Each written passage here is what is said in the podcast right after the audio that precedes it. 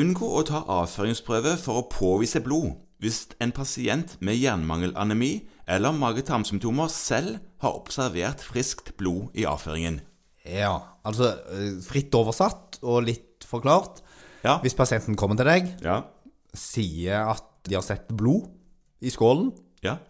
og da enten du har tatt en blodprøve som viser at de har for lite jern og for lite eh, hemoglobin i blodet, Mhm. Altså er anemiske? ja, er anemiske og har blodmangel, eller de har symptomer fra magen, f.eks. massevis av diaré, mm. smerter av litt uforklarlig årsak, Ja. så sier da gastroenterologen at da er det ikke noe vits i å drive på å teste for okkultblod.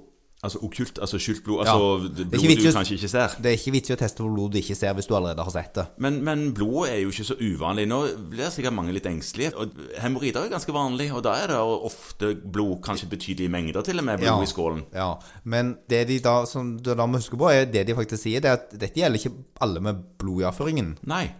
Dette gjelder de som har blod i avføringen, og det er andre undersøkelser eller symptomer i tillegg tyder på at det er noe galt.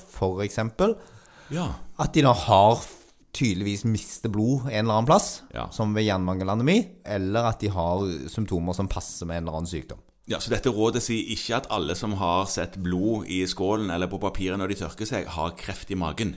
På ingen som helst måte. Nei, For det er jo litt viktig, da. Ja. Ellers virker jo dette rådet helt kontraproduktivt.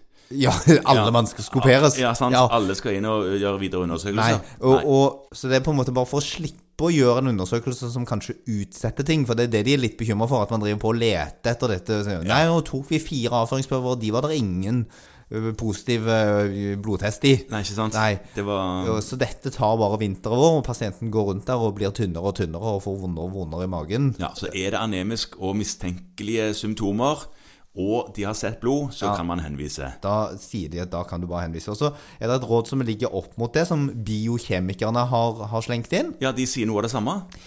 Ja, altså, det de sier, ikke test for blod med andre Hvis du ikke mistenker kreft. hvis du ikke mistenker kreft. Ah, mm. Eh, fordi at på de andre til- tilstandene så er det symptomene som skal utredes allikevel. Ja, ja. Eh, så, så det er sånn, hvis du har en mistanke om at det er en kreft, og du liksom ikke har så mye annet å hente, så kan tester for skjult blod i avføringen være nyttige. Mm. Og da anbefaler de en sånn ny sånn immunologisk test. Ja, hva betyr det, da?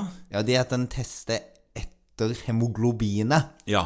Ja, Ja. og ikke etter en masse andre sånn kjemiske ting som kan ligne på det, som slår ut. Ja. Jern, eksempel. Ja, sant? Ja, Så hvis du har spist ja, noe veldig jernrikt, Ja.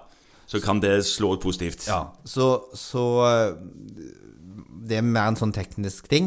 eh, Ja. At man kan eh, heller gå for de nye immunologiske testene. Og ikke de gamle Det som man bare sa hemofekk, Hemofekk, kanskje? ja. Men det viktigste her er altså det at du ikke skal bruke disse testene som en sånn screening Nei.